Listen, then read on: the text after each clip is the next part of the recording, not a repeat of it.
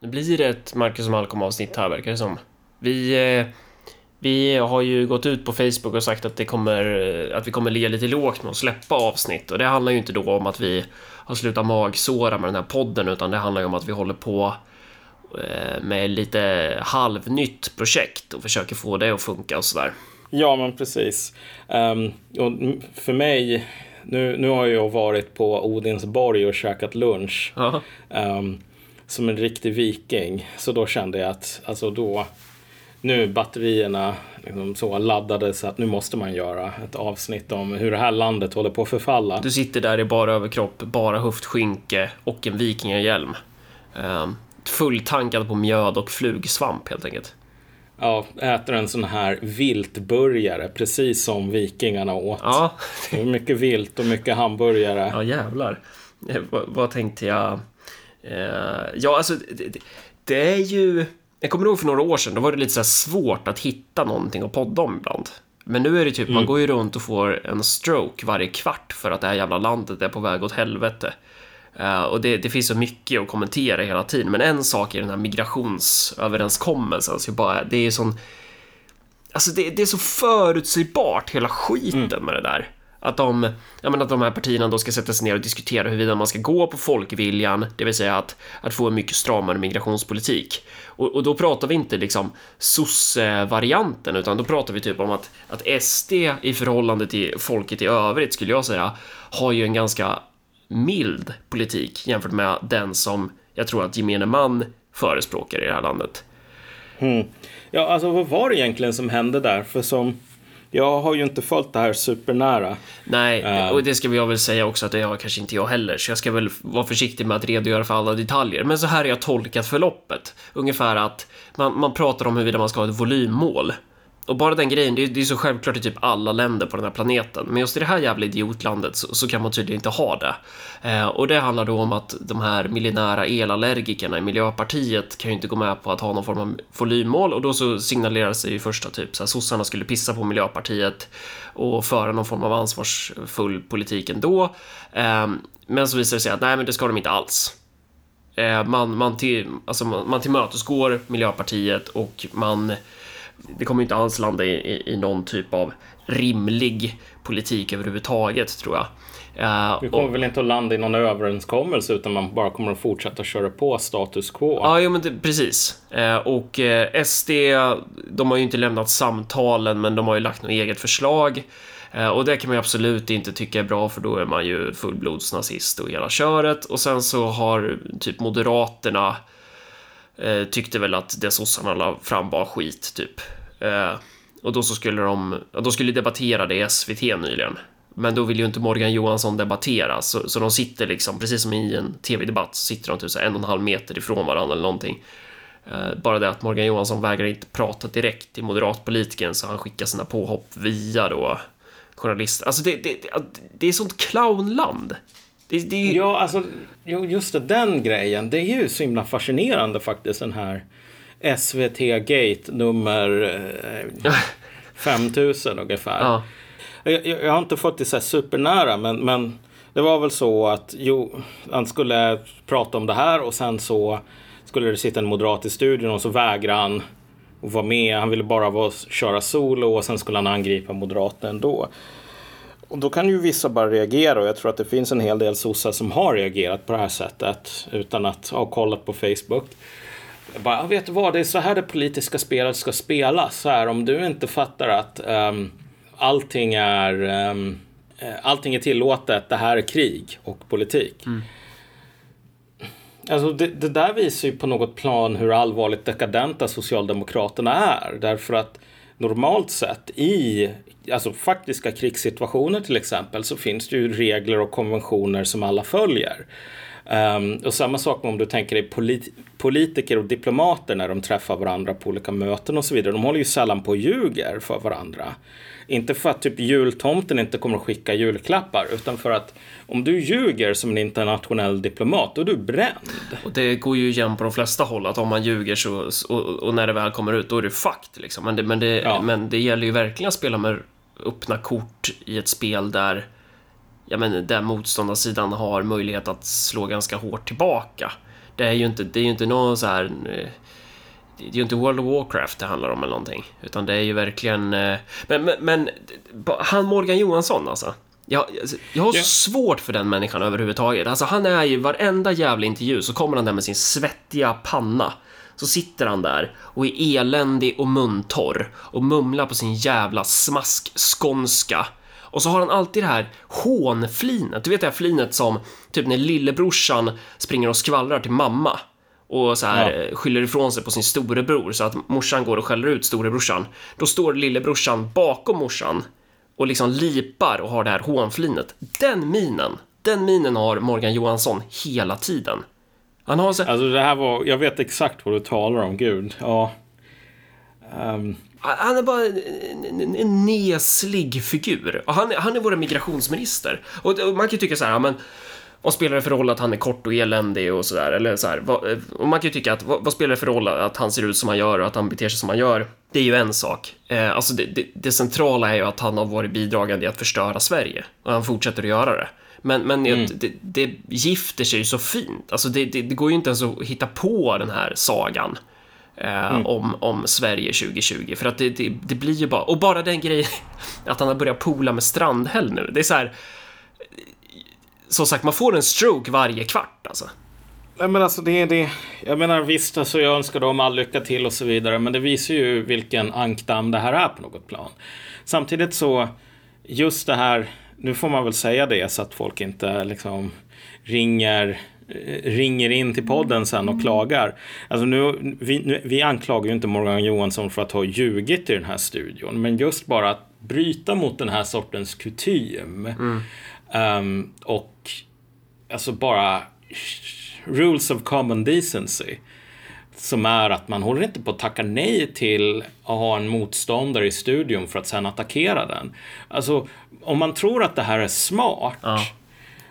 Det kanske det är på ett extre- ur ett extremt kortsiktigt perspektiv. Men det är ju det som är det stora problemet med sossarna överlag. Att de är inte längre är kapabla att tänka, men okej, kommer det här att gagna mig om eller gagna landet ska vi inte ens tala om.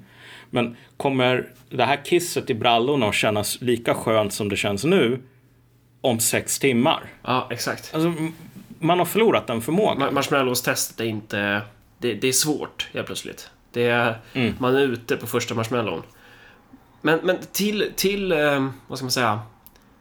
Till sossarnas försvar blir det ju inte, men, men så här, det är ju väldigt många moderater som är jättekränkta nu över att sossarna har gjort, gjort så här och så håller man på och grinar om att public service tillmötesgått sossarna. Men Moderaterna har ju bett om det här på ett sätt. Moderaterna har, Ja. ju, har ju röstat för att ha kvar public service. Moderaterna har ju, de, de är precis som Vänsterpartiet. Att så här, de är så jävla tuffa och kaxiga, förutom när det väl gäller. De, skyll er själva. Det är exakt det här ni ville ha. Ni ville ha den här jävla idiotkanalen. Ni, ni, ni röstar ju för att de ska få 8 miljarder per år. Här har ni. Ja, alltså, jag menar, vi, det, vid något sånt här krig i... ehm, jag kommer inte ihåg vad det kallas, julekriget? Nej. Hur som helst, Israel går in i ehm, Libanon because reasons. Ja. I början på 2000-talet. Ehm, och det blir ju en, en väldigt stor, eh, alltså det blir väldigt skämmigt. Nu är det inte så att det är jättemånga människor som dör, men det är ändå så här att de åker in med sina moderna pansarvagnar och tänker så här, vad ska de här kamelryttarna göra mot oss? En jävla Merkava typ. Och så träffar de Hezbollah, eller? Ja, och Hezbollah är ändå så här. De har typ bestämt sig för att slåss. Så de leder in alla dessa supermoderna Merkava pansarvagnar i massor med så här bakhåll och bara skjuter olika ryska pansarvärnsgranater från typ sju olika håll. Och har massor med bunkrar som de har grävt tunnlar emellan som de har extra pansarvärnsgranater och så vidare. Och det är inte så himla många israeler som dör. Men grejen är bara att de åker in i så här i någon återvändsgränd och så sprängs bron bakom dem och så kommer alla de här pansargranaterna och så börjar de typ gråta och få panik för att de vet inte vad de ska göra. Därför att det visar sig att typ skjuta gummikulor i magen på så här gravida palestinier vid olika ehm, um, sådana här checkpoints. Alltså, det är ingenting som nödvändigtvis förbereder dig för eh, alltså, en konflikt där folk inte har bara fallfärdiga Kalashnikovs utan lite så här ryskt materiel och som faktiskt vill slåss. Så det här är inte så mycket av ett inlägg i liksom Israel mot Palestina som bara ett påpekande av att okej, okay, om Moderaterna här är palestinier så är att det är jävligt enkelt att slå på dem. Mm. Uh, okej, okay, men den processen om att vara van vid att slå på de svaga kax som inte slår tillbaks är någonting som förtar din egen styrka över tid också. Mm. Um, vilket är en, en, annan anledning till varför man det är väldigt onödigt att göra sådana här saker. Liksom ska, ska, få upp massor med bad boy points eh, som i Victoria 2 om man inte har en anledning till att få upp dem typ. Um, men, men överlag, alltså den här migrationsöverenskommelsen den hakar ju in i samma logik som det här med att elnätet nu det är en öppen hemlighet att om det går åt helvete då kommer Sverige, i alla fall södra Sverige, att hamna på någon sån här tredje andra världen nivå typ där um, ja men det är regelbundna strömavbrott helt enkelt. Så var det ju i Mali när jag bodde där. Det var ju, ja. man, man, man, eh, det var ju alltid en risk om man gjorde något via internet eller något sånt där att det, det dör ju bara. Det är ju Alltså elen bara slocknar och så kunde det vara helt oförutsägbart. Alltså ingen förutsägbarhet överhuvudtaget i el, elförsörjningen. Eh, och det är ju rätt vanligt i så superfattiga länder. Eh, och superkorrupta ja. länder. Men det som är så fascinerande är att vi har inte haft århundraden av, av typ fransk imperialism och så här comprador bourgeoisie som har liksom sålt ut vårt land på det här sättet, utan vi, har, vi, har ju, vi är ju modern industrination. Vi har ju mm. en superavancerad infrastruktur och, och allt det där. Men ändå så har de här jävla parasiterna gett sig på vår elförsörjning och man lägger ner fullt fungerande kärnkraftverk. Ja. Det, det, det, alltså, det är på en nivå som... Här, Sverige är världens mest avancerade u-land. Vi, vi gör mm. alla de här grejerna, men vi gör det med så mycket större finess. På något sätt. Ja, alltså, det, det finns ju lite paralleller mellan alltså den här efter Fukushima-katastrofen så bestämde ju sig um, vad heter det nu, uh, Tyskland för att gå över till förnybar energi. Det var väl också, gissar jag, nu, nu var jag inte äh, superinsatt i de turerna, men alltså det var väl också ganska mycket av inrikespolitiska skäl. Sen fanns det väl säkert också en teknikoptimism om att alltså solkraft och vindkraft, alltså seriösa energikällor som går att ersätta, vilket visar sig inte vara sant. Så att de hamnar i ungefär samma situation som Sverige med att man är tvungen att importera typ kolkraft eller starta upp så här oljekraftverk.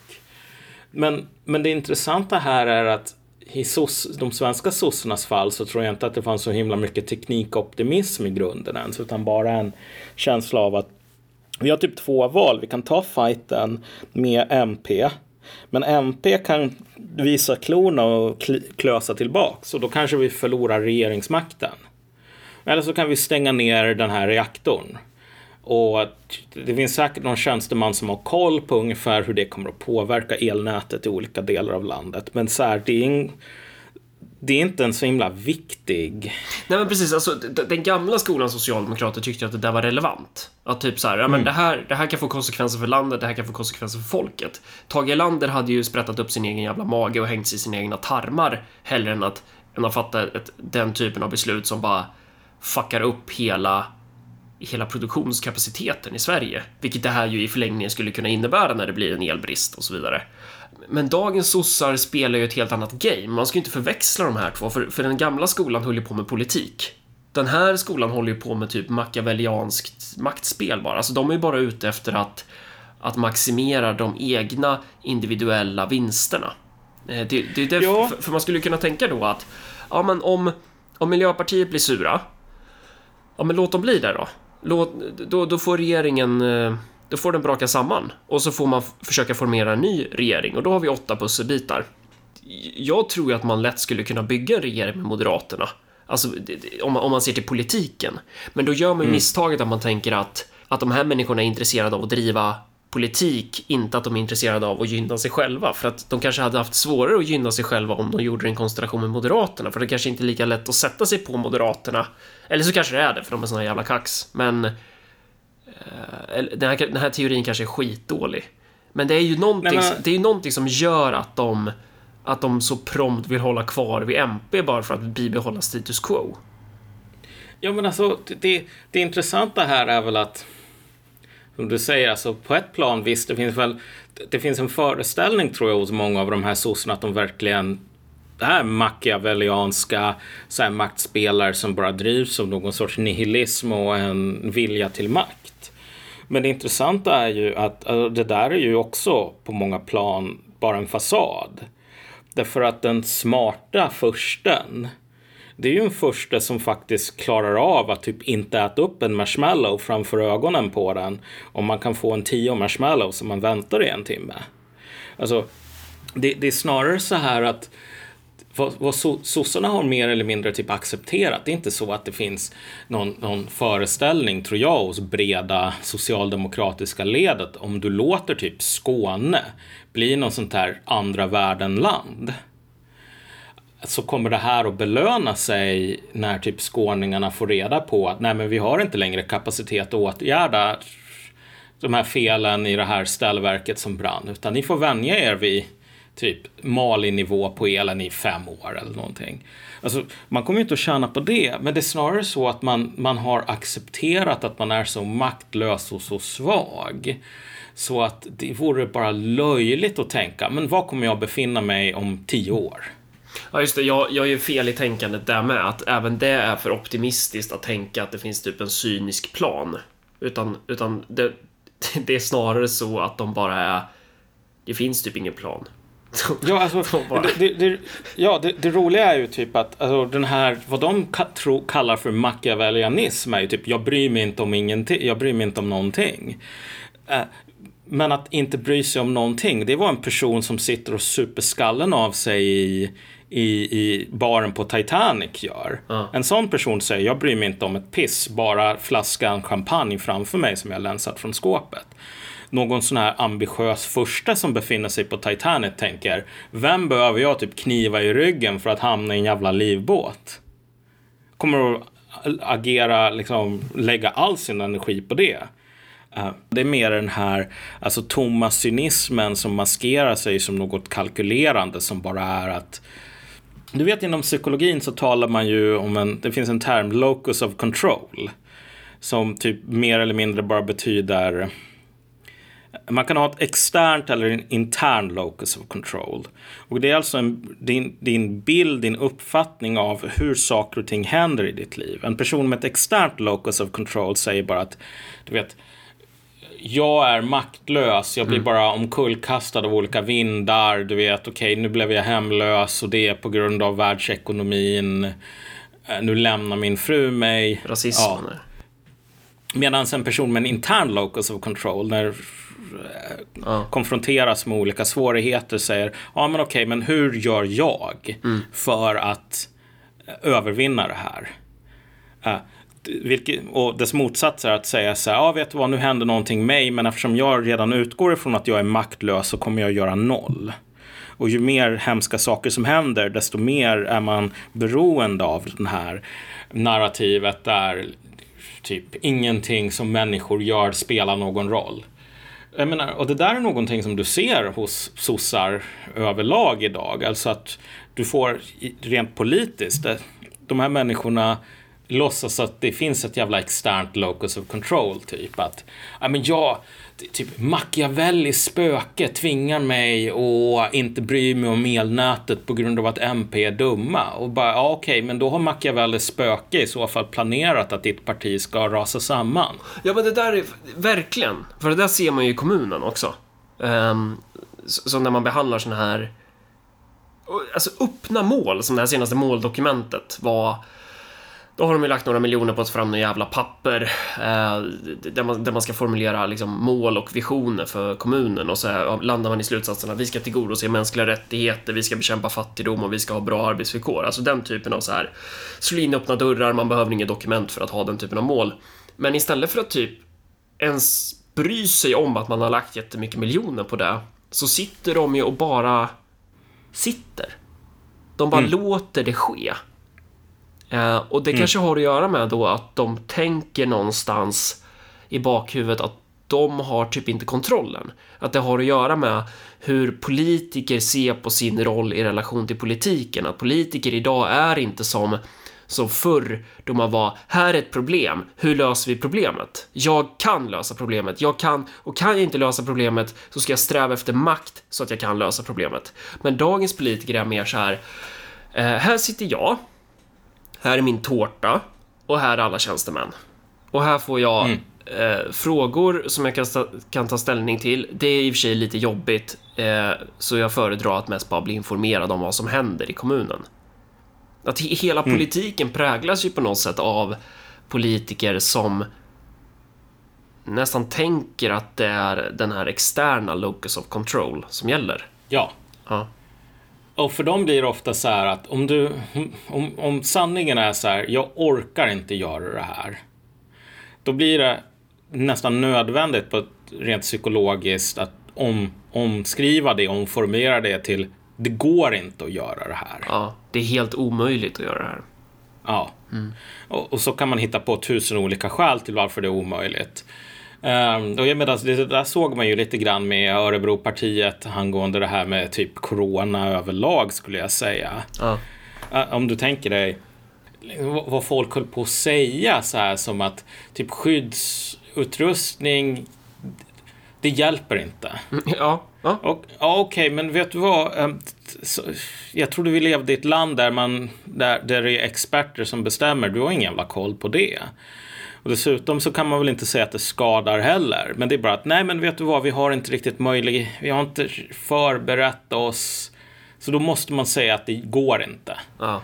Och ju mer, ju mer, hur ska man säga, indikationer som samlar sig på att det faktiskt finns en skillnad på att ha rutiner och utrustning och så vidare och inte ha det. Desto mer blir man fastlåst vid det här att nej, nej, absolut inte. Det det, typ min farsa som jobbar på Nintendo sa faktiskt att så här, ingenting spelar någon roll. Att så här, all form av skyddsutrustning är värdelös. Därför att om den inte är det, hur kan vi då förklara att vi har varit dåliga? Jag menar så här, Dels det och sen initiativlösheten. Att Ja. alltså den absoluta majoriteten, kanske 90-95% av, av Sveriges kommunstyren satt ju bara med öppen mun och tittade.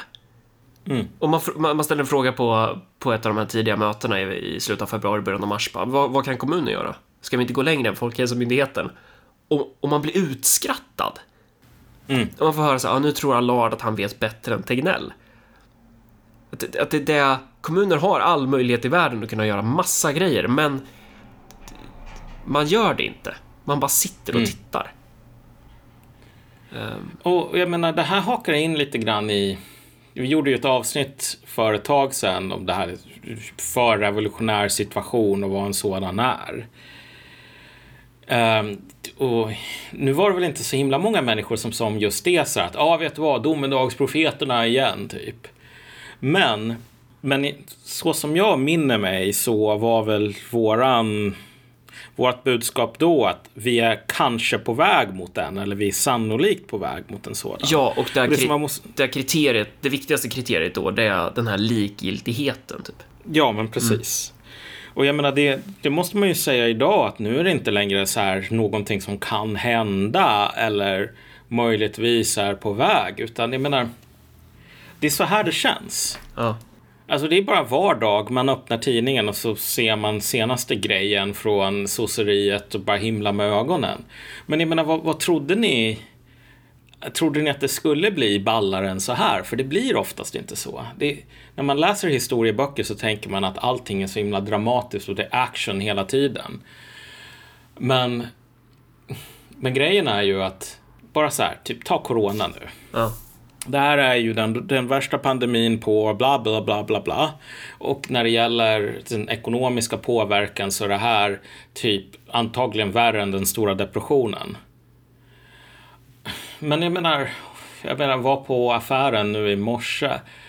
Och jag tror att det skulle nästan kännas konstigare vid det här laget om de här plastskärmarna inte satt upp där och det inte var affischer om att hålla avstånd på alla ställen. Därför att det där har blivit så vardagligt, man tänker ju inte ens på det längre.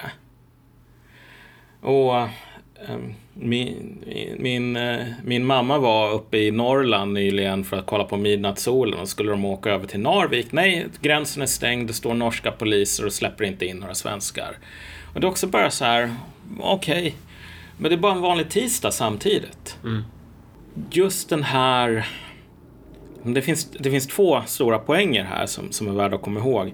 Nummer ett, um, man, det kommer aldrig att komma någon sån här larmklocka som säger om nu befinner du dig i krisen så, nu befinner du dig i den riktiga krisen. Därför att alltså det här är bara en långsam övergång där man blir den här grodan som vänjer sig vid högre och högre temperaturer. Det är den första grejen.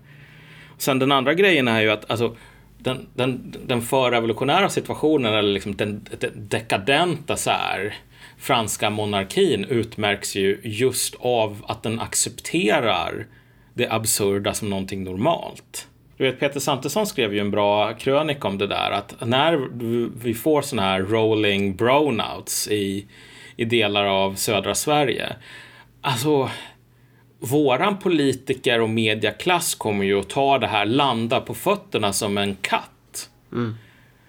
Du vet, och bara, ja ah, vet du vad, här har du 20 olika aktiviteter du kan hitta på med familjen när strömmen är av. Mm så här, är inte det här en skitbra eh, tidpunkt att bara upptäcka hur kul det är att lägga pussel, Marcus? Mm. Eh, och du vet, är det inte lite bortskämt att tänka sig att man ska ha el 24 timmar om dygnet? Men, och, och, och, allt det där bidrar ju till att, att skapa en, en hegemoni, en, en att ja, men skapa en konsensus kring att att eh, det är extern locus of control som gäller för alla. Ja, precis. Det blir normalitet att tänka att nej, men det där är utanför våra makt. Det, kan, det är inte, alltså så här, man kan inte från politisk fråga, eller man, man kan inte från politiskt håll påverka eh, energiförsörjningen i Sverige. Det, det mm. är bara det är ett naturfenomen. Och det där märker man ju mer och mer. Och många politiker vill ju prata sådär om migrationen. Att säga, nej men det här kan vi inte påverka. Eller om man pratar konstinköp, är det jättevanligt. Nej, det, det finns något som heter enprocentsregeln. Ja, precis. Det är, det är en policy som vi politiker kan göra vad vi vill med. Ja, men det står ju regel. Ja, det är för att vi har bestämt att kalla den för det. Men vi kan ju ändra det när vi vill. Nej, det är en regel. Det måste vi, vi måste göra så här. Det är utanför vår makt. Vi måste lägga de här pengarna på konst. Alltså man reproducerar ju den där uppfattningen i hela samhället och också att mm, då blir det ju typ mer acceptabelt när saker går åt helvete.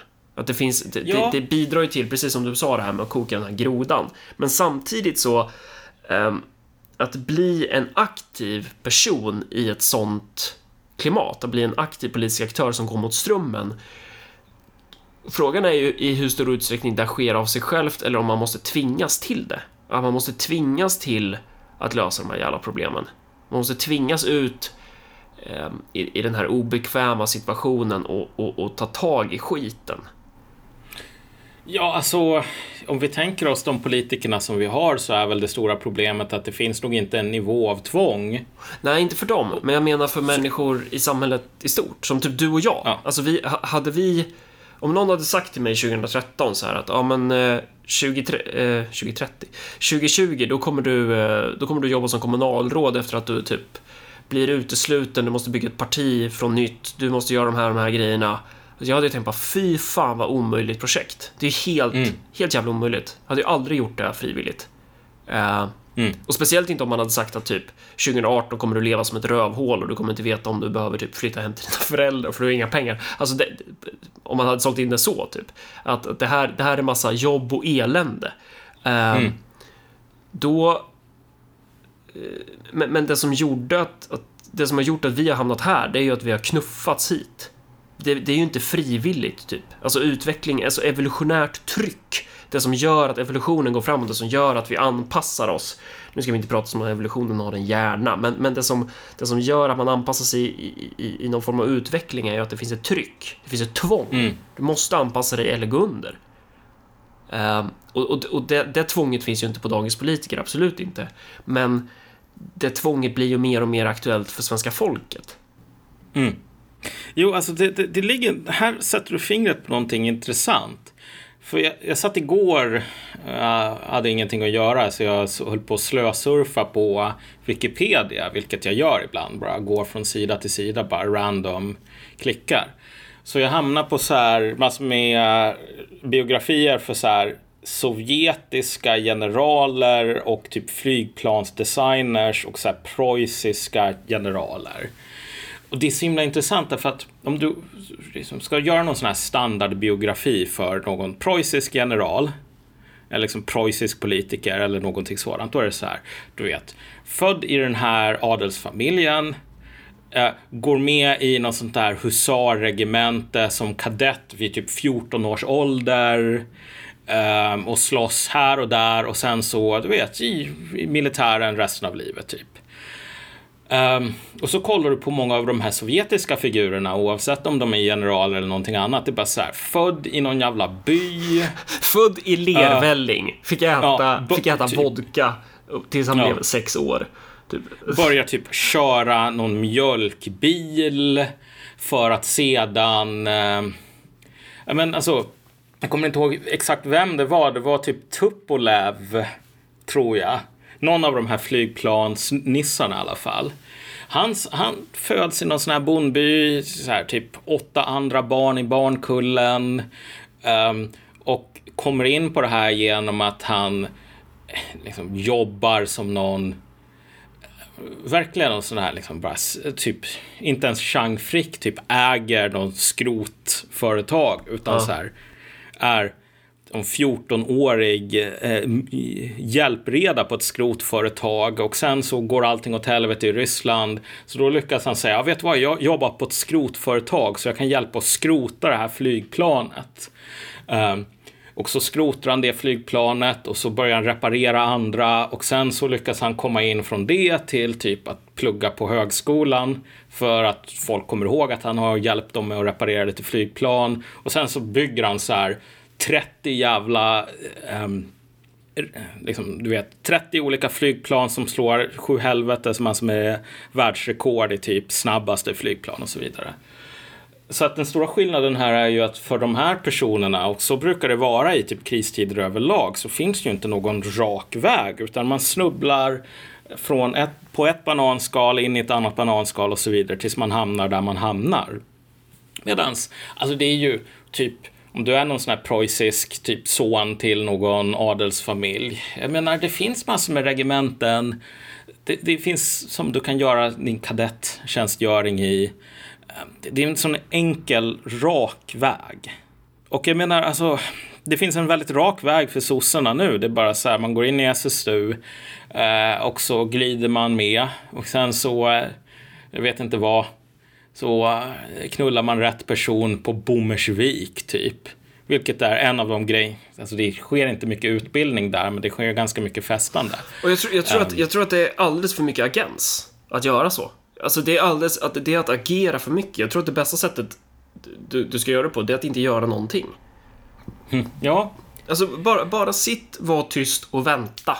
Så kommer turen till slut komma till dig för att du, du är, du är inte lika suspekt som de andra då som har gjort någonting. Kanske sagt hej eller någonting. Ja, vid det här laget är det nog så. Alltså, ja. de är nog så desperata så vem som helst som kan uh, go along to get along. och då har du liksom haft fem år av träning i att, att lära dig att inte göra ett jävla skit. Så du är helt oduglig. Ja. Och så hamnar du på en post. Och vad kommer du göra där? Ja, du kommer göra det som du har lärt dig. Det vill säga, du kommer hålla käften, du kommer inte göra någonting, du kommer inte ta initiativ. Ja, alltså den här strukturen som en gång fanns med så här kaffekokandet, vilket är att ja, du, du ska koka kaffe åt Göran Persson. Och äh, nåde dig om du glömmer bort om man, liksom, hur han tar sitt kaffe ungefär. Precis, han ska ha extra smör i kaffet och en ja, halv liter grädde. Ja.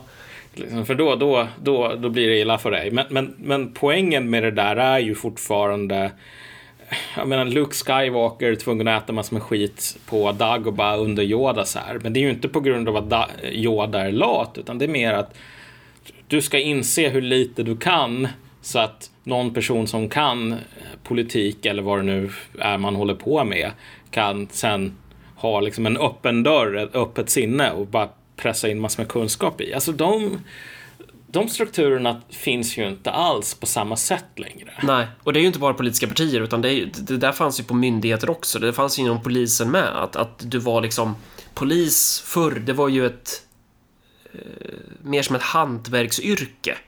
Du är Mm. med, någon, man lär upp dig, du får, du får ansvara för en uppgift, du får nöta den jävla uppgiften, du får nöta den tills ögonen blöder. Det, det är så här, det, det, det är segt, det, det, det, det är träligt liksom.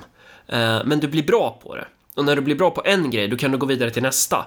Men idag, då, då ska man så här, trolla fram generalister som inte ens har genomgått någon utbildning till att kunna bli generalister. Att, att det är liksom, man ska ha allt. Samtidigt så har alla typ en förväntan om att man ska göra karriär direkt. Att typ, du kommer in, du, du, du, så här. Hej, jag ansöker till Polishögskolan. Mitt CV är att jag var med i Paradise Hotel. Okej, vad bra. Kan du förhöra den här brottslingen då? Nej, det kan jag inte göra för att eh, han är en man. Jag vill inte förhöra män. Jag vill bara förhöra kvinnor som har blivit utsatta för våldtäkt. För det var jag intresserad av. Uh, jaha? Ja, och sen så har jag startat ett Instagramkonto här där jag ska blogga om att jag, jag är polis. Kolla här, här är en bild på mig när jag går ner på knäna framför BLM typ. BLM också en sån där grej som har med det här med extern locus of control att göra och som jag kommer att tänka på. Alltså den här, den här tweeten från Alexander Bard som det blev sånt jävla liv om när han skrev typ att så här Ehm, han skrev en massa olika tweets. En tweet var så här, om, om vita vill spela någon roll, typ. Nu, nu citerar jag lite fritt så här. Eh, om, om vita vill spela någon roll, ja men se till att få ett jävla jobb och göra rätt för det, typ, så kommer du utvecklas. Och sen så skrev han ju liknande om svarta, men det kallas ju för rasism. För att där har vi den här ideologin som säger att svarta har ju inte agens. Svarta ska ju liksom sitta ner, eller svarta och svarta, alltså personer som är rasifierade ska sitta ner eh, och, och, och vara ett offer. Och vi uppmuntrar den rollen, vi uppmuntrar inte till det här liksom klassiska marxistiska att så här i varje människa, i varje jävla värdelös liten bondpojk i Sovjetunionen så finns det en extrem potential som väntar på att bli utsläppt. Samhällets uppgift är att se till så att, så att vi maximerar produktiviteten i varenda jävla person. Nu var det inte så, nu, nu, nu, var, nu är det inte meningen att liksom så här omhulda Sovjetunionen, utan mer snarare den här filosofiska idén. Typ så här, Yuri Gagarin, han var urfattig. Han växte ju upp på, på landsbygden, han blev första människan i rymden. Eh, det där går ju att göra även i Sverige, eh, även i, i, som är på många sätt ett mer avancerat land än Sovjetunionen. Alltså att vi har ju potentialen att kunna eh, ja, men, ja, men göra så att tusen blommor blommar så. Men istället så väljer vi den här vägen som är så här, nej men vet du vad lille vän, det är utanför din kontroll, det är synd om dig. Du kan inte göra någonting. De här armarna och benen du har, det är, det är bara konstiga utväxter, det är ingenting du kan göra av. Det är så här, vi kan lika gärna amputera dem, du kan ligga här och bara äta vetekli tills du dör. Ja, alltså det är ju... Det är ju hur, hur var det nu? Vid nå, någon sån här tillfälle när Napoleon fuckade upp någonting i Europa riktigt allvarligt som gjorde att alla började hata honom mer än de gjorde tidigare så sa väl hans liksom, utrikesminister Talleyrand att det här är värre än ett brott, det är ett misstag. Och alltså, det är nog det är brottsligt att säga till andra människor um, att nej, men du kan inte ha kontroll över det, det, ditt eget liv för att du är ett maktlöst offer. Alltså det är ju illa. Uh, ur, ur massor med så här olika perspektiv. Liksom det är moraliskt förkastligt på många sätt. Men jag menar, när man väl börjar göra så mot sig själv, alltså då är det ju värre än att det är moraliskt förkastligt. Det är ju bara idiotiskt. Um, och det intressanta här är ju att dekadens i, i, i, i den sanna bemärkelsen handlar inte om att det här är någonting lite förbjudet eller lite som går lite för långt som typ någon sån här magnumglass med tre lager choklad, chokladsås och chokladbitar i chokladglassen så här. Det, att det, liksom, det är dekadent mycket choklad. Det, det, är inte, det, det handlar inte om någonting sånt, det är inte en värdering här. Utan liksom samhällelig dekadens, det som du ser i såna här situationer som leder upp till revolutioner överlag, har att göra med just det som Peter Santesson skrev om i den här krönikan, att det, det absurda ska, har man accepterat att det ska man göra till någonting normalt. Mm.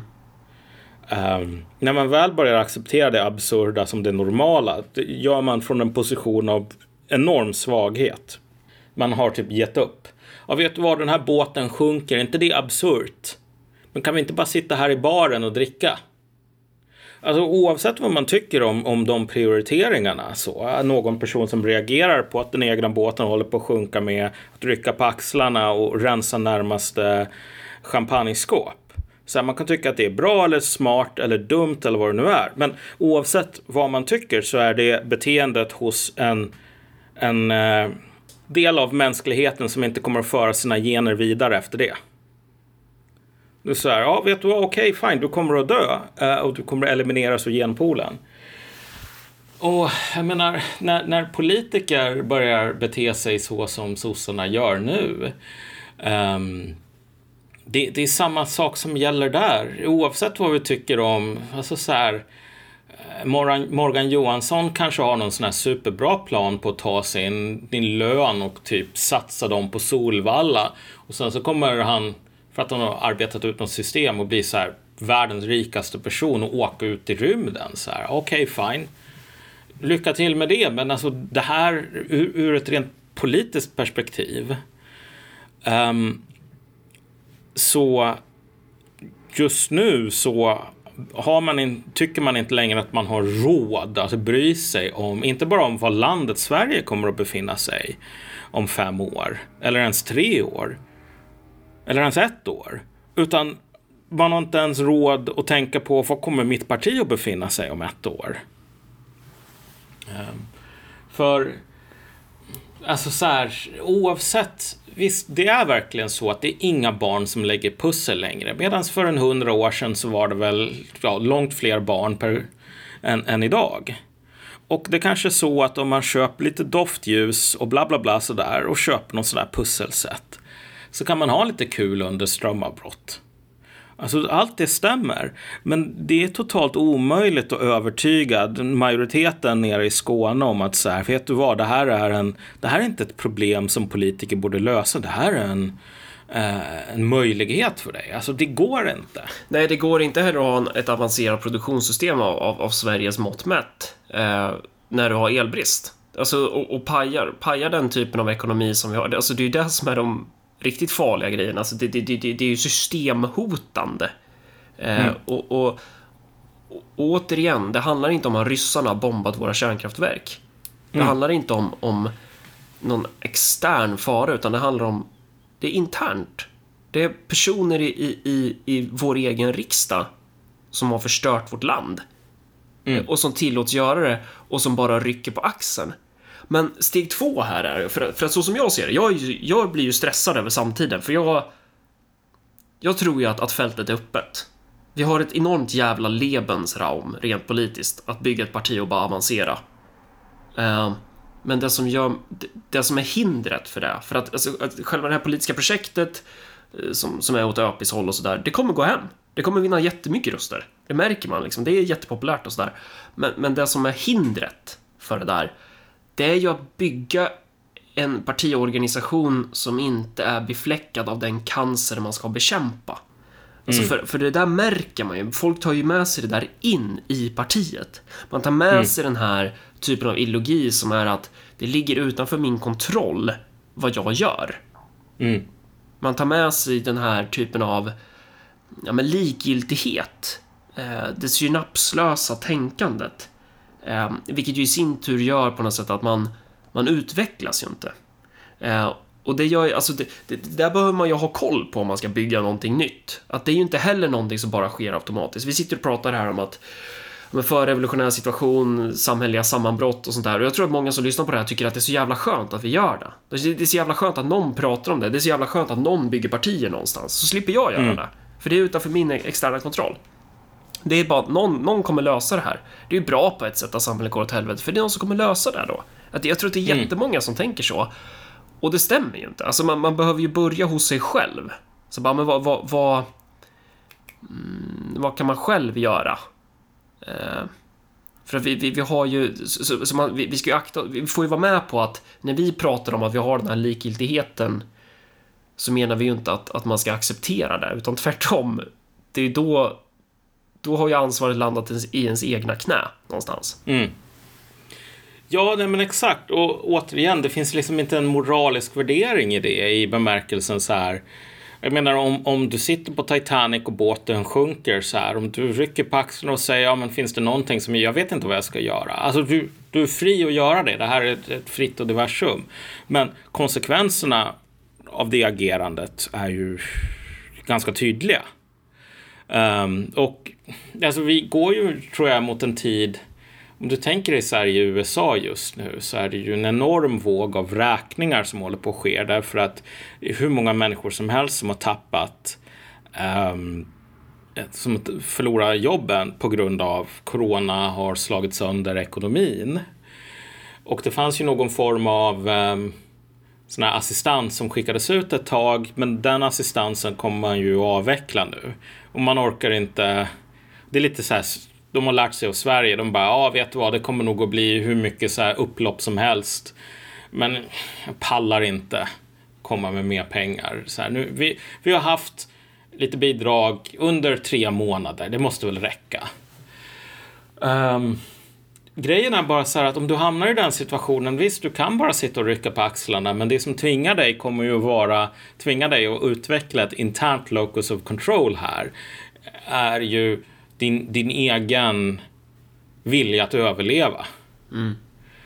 Och då är det ju, det viktiga är ju att ge folk så här verktygen eller i alla fall att inpränta att alltså, du kan gå från att tänka att du är bara en liten jolle som kastas omkring av eh, vindar här i en enorm hav sådär och du kan inte göra någonting.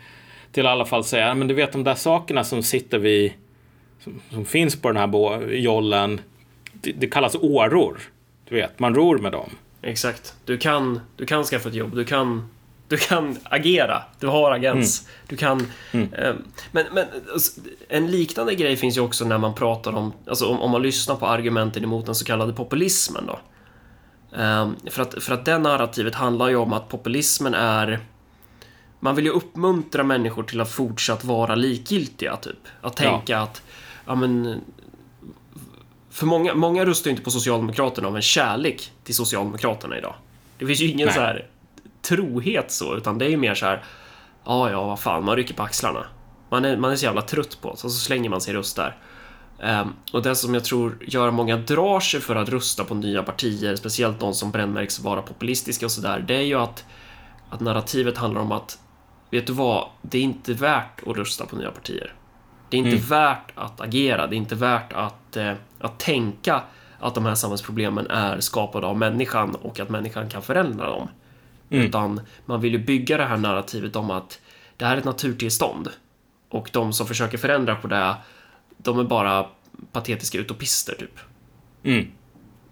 Jo, exakt. Men, men förr eller senare så tror jag att det där, det där kommer att falla på eget grepp. Därför att vi har varit här förut ett antal gånger eh, som, som mänsklighet sådär. Det, det, det tragiska på något plan är väl att eh, den sak som, som händer när man håller på och läser en hel del historia blir ju att man man inser hur jävla mycket man trodde att man var en speciell snöflinga.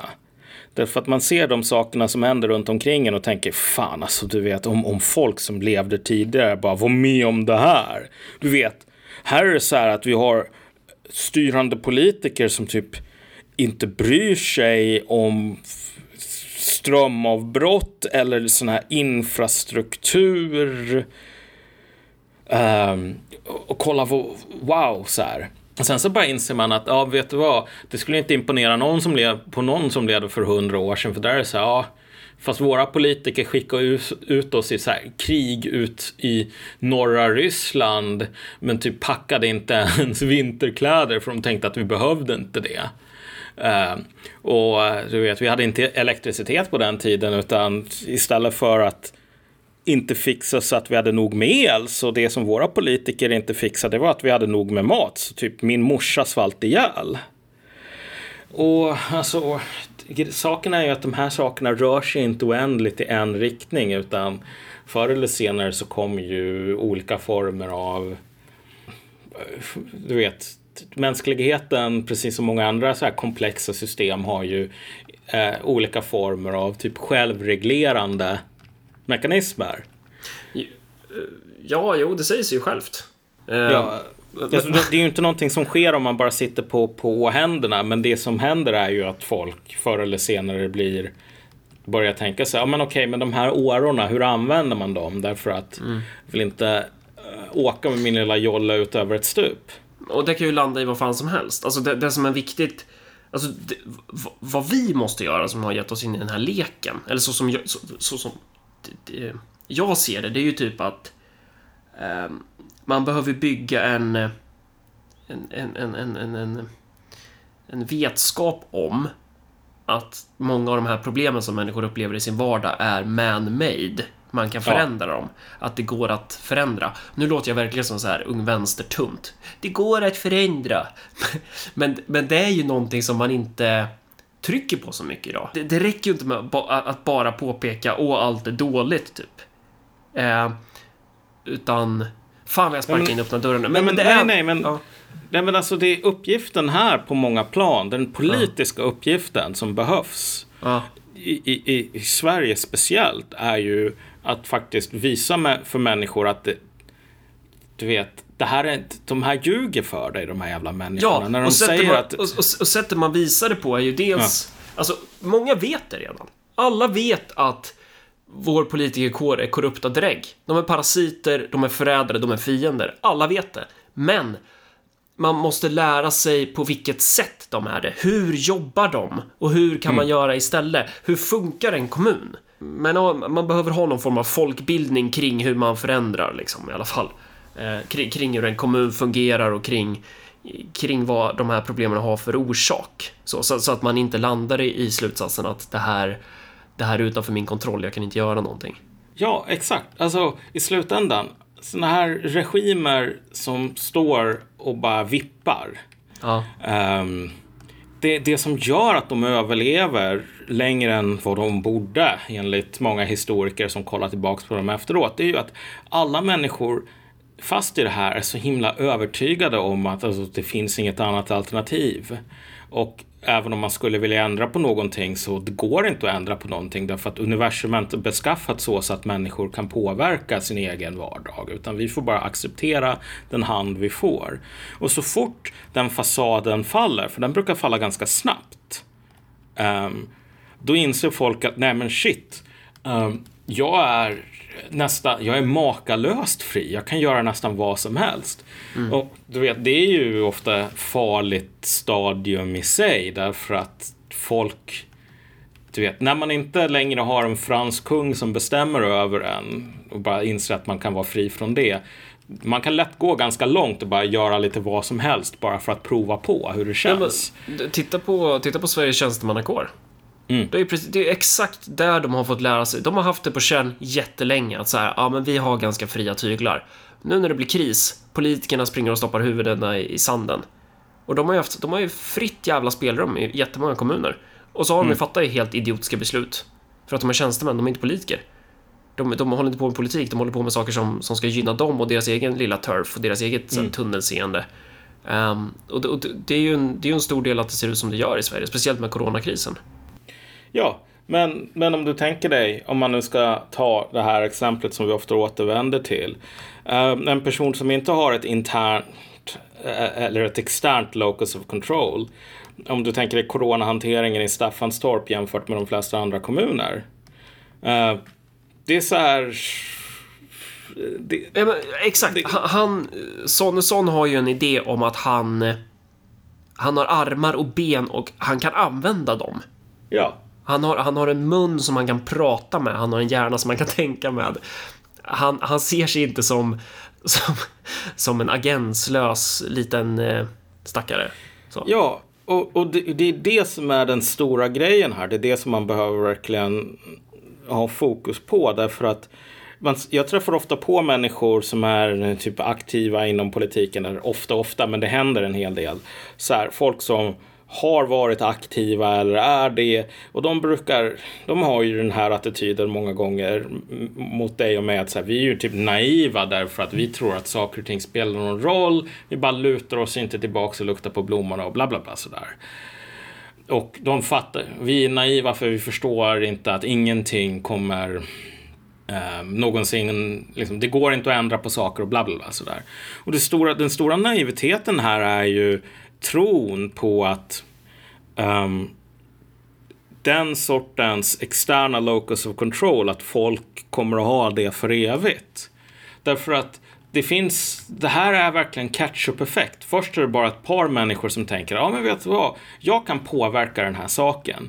Jag kan ta mina armar och mina ben och jag kan använda dem för att eh, åstadkomma materiella förändringar där ute i världen.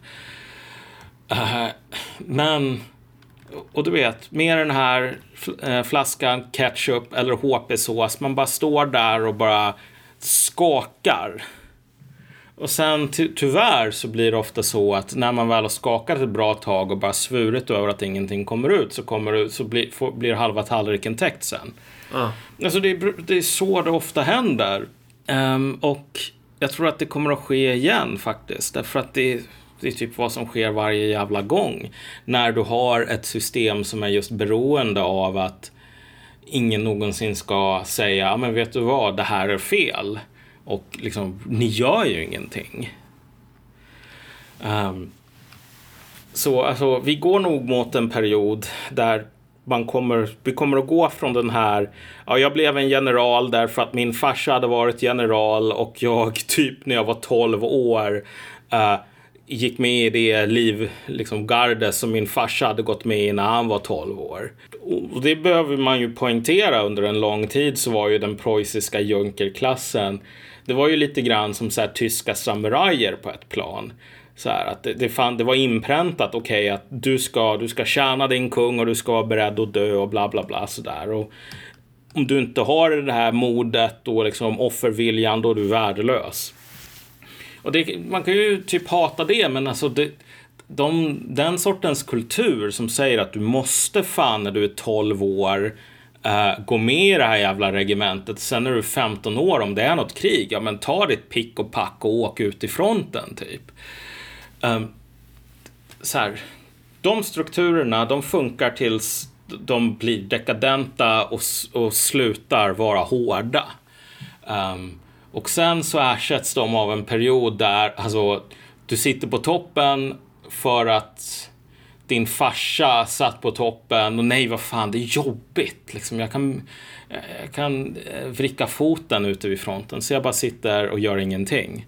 Och sen så kommer de här Tjujkov och Tupolev och alla de som bara är de här människorna som tvingas gå från ingenting och typ maktlösa bondsöner till folk som verkligen har ett internt locus of control. Inte för att de typ valde det. De satt på någon sån här à la carte-meny och bara valde mellan olika eh, mm.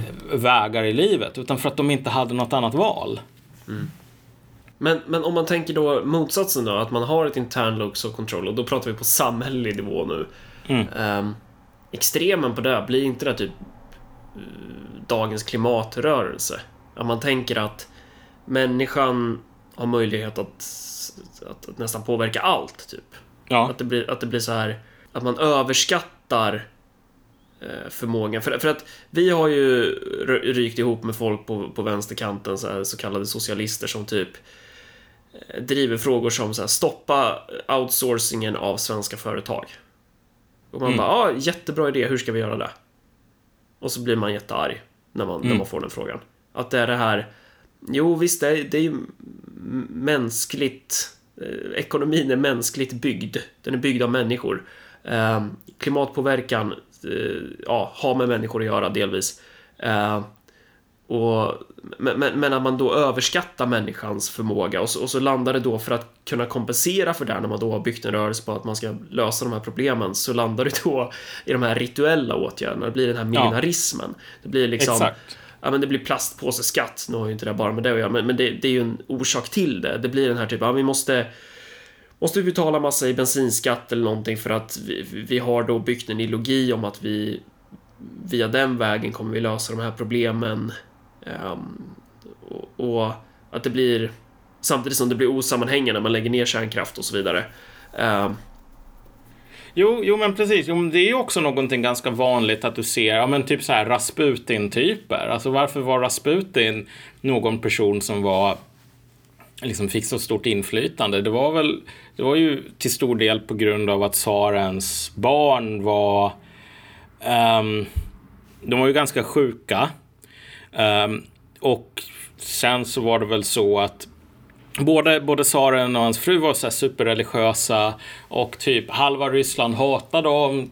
Du vet, man var, hamnade i en så här revolution 1905. Man var tvungen att typ ge massor med eftergifter. Tappa kontrollen helt, förlora massor med krig. Och då blir det så här att, ja men då är det så jävla nice att bara kunna säga så här, nej men eftersom jag inte styr någonting, så här rent med mina armar och ben och mina händer, så istället så genom att vara en snäll pojke så kommer Gud att ha förbarma sig över mig. Så, här. så att det är inte jag som styr utan det är försynen.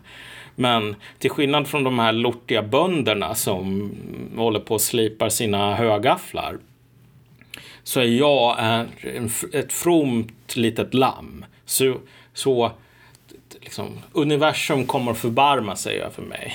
Och det är ju, det är ju i slutändan vad jättestor del av vänstern ham, handlar om idag. Att genom olika så religiösa ritualer, mer eller mindre, så ska man försöka få en övernaturlig kraft att bara förbarma sig över en. Ja. Jag tänkte på det, Jordan, för vår kritik, vi snackar ju om Jordan Peterson, eller vi har snackat om Jordan Peterson i flera avsnitt. Um, och en, en av den, en kritik som vi väl dels har snuddat vid, det är ju den här för Peterson, han är ju grym som, som alltså, psykolog när det gäller att hjälpa människor här och nu. Han har, mm. ju, han har ju verkligen gjort en insats när det gäller att få eh, framförallt yngre män att fatta att så här, vet du vad, du, du kan ta tag i dina problem och du kan växa. Det finns, det finns någonting väldigt stort inom dig som väntar på att bli utsläppt. Alltså den här mm. emancipator, alltså den, den eh, Ja, men ja, hela den grejen.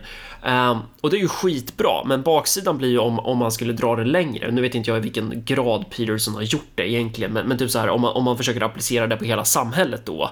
Att bara mm. så här, alla problem beror bara på att folk inte tar sig kragen typ. Ja, men då, då mm. gör man ju också ett felslut. Uh, mm. Alltså det blir också en form av idealism typ. Men en till grej kring det här, det är också att um, jag funderar mer och mer på det på sistone, men just det här skillnaden mellan män och kvinnor. Vi har ju pratat om det tidigare, mm. men ehm, för där ser du väl en ganska tydlig skillnad på hur man förhåller sig till, till den här typen av locus of control. Mm. Um, och det handlar väl dels om, som vi har snackat om tidigare, att, att i dagens ideologi så är mannen är evigt imperfekt. Han kan liksom aldrig bli perfekt. Han kan aldrig eh, bli, bli ide, idealet som han ska vara. Eh, mm. Så, så, han, eller vad fan är det vi har sagt? Typ att han, han behöver, en man behöver hela tiden resa sig upp och ta tag i sig själv, typ.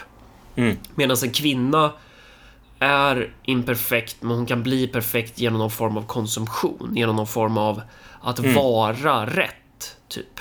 Det finns, mm. det finns en form som är rätt för kvinnan. Eh, och den är då uppnåelig. Men samtidigt så är väl min, min lilla fördom här om dagens samhälle är väl att, att kvinnor tenderar att tänka mer att de inte har kontroll över sitt liv. Ja, alltså jag tror att, nu har jag inte, det var ett tag sedan jag läste om just den här termen, men jo, jag upp, om jag inte har, bara så här på rak arm så tror jag faktiskt att det finns någon statistisk skillnad med alltså hur, hur man upplever vad, vad ens locus of control är mellan män och kvinnor. Och det ju, ligger ju definitivt i kulturen idag att om du säger, om du träffar på någon sån här hemsk, uh, ful incel, då bara klipp dig, skaffa ett jobb din äckliga incel. Medan någon sån här superdeprimerad, psykofarmaka, knaprande um, person som råkar vara kvinna och som typ inte har gått ut på två år. Då är det så här, ja men det är nog patriarkatets fel ändå. Alltså det... Eller det, det, det, man kan, om du, om du som incel eller liksom loser som man kommer med någon sorts narrativ där det är så att det är inte mitt fel. Det är ingen som kommer att lyssna på dig alls. Medans, alltså, okej, okay, vet du vad? Uh, Battlefield, det var så beroendeframkallande så du hade inte kontroll. Bara fuck off! Precis. Fast- så jag, jag, jag, är inte, jag är inte intresserad av dina ursäkter, håll käften. Medan det är ingen som i alla fall kommer att säga håll käften till dig på, på samma aggressiva sätt. eh, om men du det- det- är för- kvinna. För det där tänkte jag på, för i Ung Vänster, det var ju jävla vad brudar det var i Ung Vänster. Det var ju väldigt många tjejer där. Eh, och det var en lite annan, eller lite annan, det var en helt diametralt motsatt organisationskultur. Alltså det var ju sjuk på många sätt. Men att det var så här, man var tvungen att gå på tårna för att påpe- påpeka när någonting var fel. Typ, typ i, i ÖP eller i, i, i typ VOV-gilder eller så sammanhang där man har umgåtts med mycket män. Då är det ju så här, det är rakt och tydligt. Man säger vad fan gör du din jävla idiot? Det är liksom en jargong. Det är okej att säga när någon gör fel för man vet ju djupt innerst inne att det är ju av ren kärlek som man säger det. Att det Ja. handlar liksom om att eh, om man säger att den här personen gör fel, då kommer ju personen lära sig att göra rätt. Det, det, det, man, man socialiseras ju på det här sättet. Men i en kultur som ett, i en organisationskultur som är mer kvinnlig, jag tror inte att man är lika rak där. Jag tror att det är mer så här, mm, man adresserar inte problemen, man försöker liksom gå runt det. Eller typ, om en person som är kvinna inte har gjort sitt jobb, kommer man verkligen gå på det lika hårt då? Eller kommer man, man kommer vara mycket mer accepterande för, för externa omständigheter? Mm. Ja, men alltså, och den intressanta saken där är väl att, eh, och vi får nog ta och avrunda snart alltså, Ja. men, men den intressanta saken där är ju att om du tänker dig i Ung Vänster så var ju alltid det här HH, typ vi är ett par stackars kvinnor som slåss Just mot det. patriarkatet.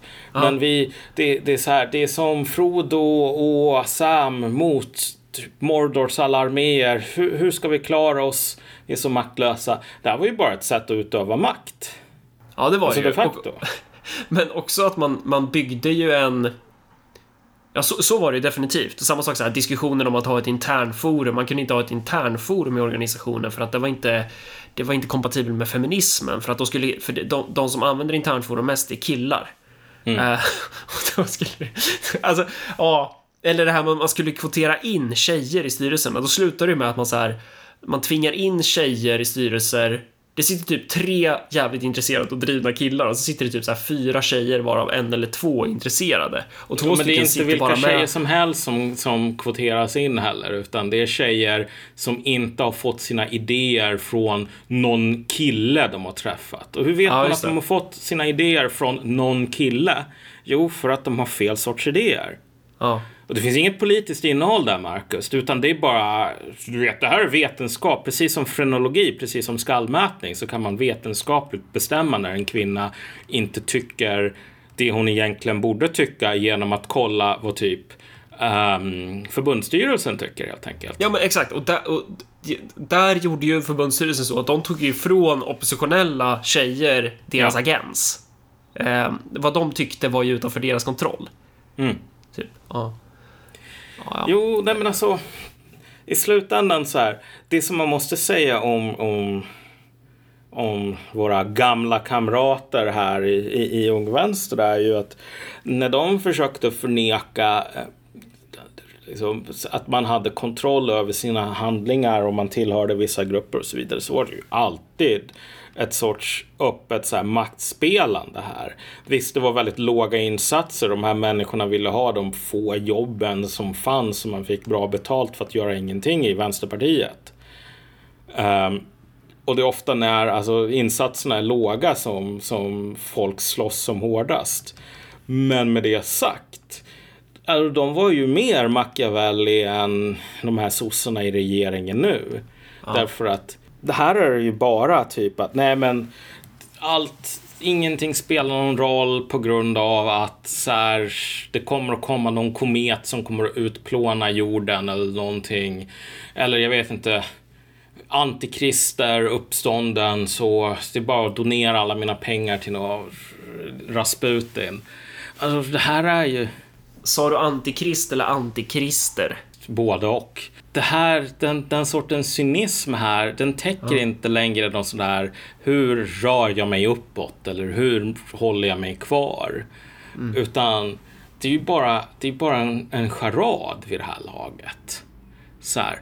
Man, man låtsas att man är en maktspelare därför att man redan har gett upp att behålla makten om tio år. Um, det, det, är där vi befinner oss idag. Man bara säger så här, så tack för fisken. Jag kommer att lösa ut den här lönen i de åren och de månader som finns kvar och sen så kommer jag och bara, allting kommer att gå åt helvete. Men, men eftersom vi lever i ett universum där ingen har kontroll över någonting så är det inte ett personligt misslyckande att jag hamnar där. Och det är bara, jo det är det. Um, och de här, den här generationen av makthavare som bara säger att ingenting spelar någon roll kommer inte att ersättas av en ny generation som säger samma sak. Därför att det här landet är inte robust nog att klara av en till generation um, av sådana politiker. Det, det, kommer inte att finnas nog med överskott för dem att leva på det sättet. Uh, utan nu kommer det att vara att nu kommer vi att se fler och fler människor som du vet, de börjar bygga, bygga flygplan för att de är tvungna snarare än för att ja, men det var, lät, lät som en kul grej bara. Ja. Så. Nu, eh, nu ska jag diska. Egentligen är det inte utanför, det är utanför min kontroll att disken bara växer där. Ja. Um, ju, jag vet eh, exakt vad du menar faktiskt. Jag känner ofta så många gånger. Man bara tittar på det där och bara va? Hur blev det så här? Hur ska jag göra? Va? Hur, ska jag, hur ska jag dricka vatten? Jag får göra det med händerna. Ja. ja. Nej, men på återseende kära kamrater. Ja. Hi. Så,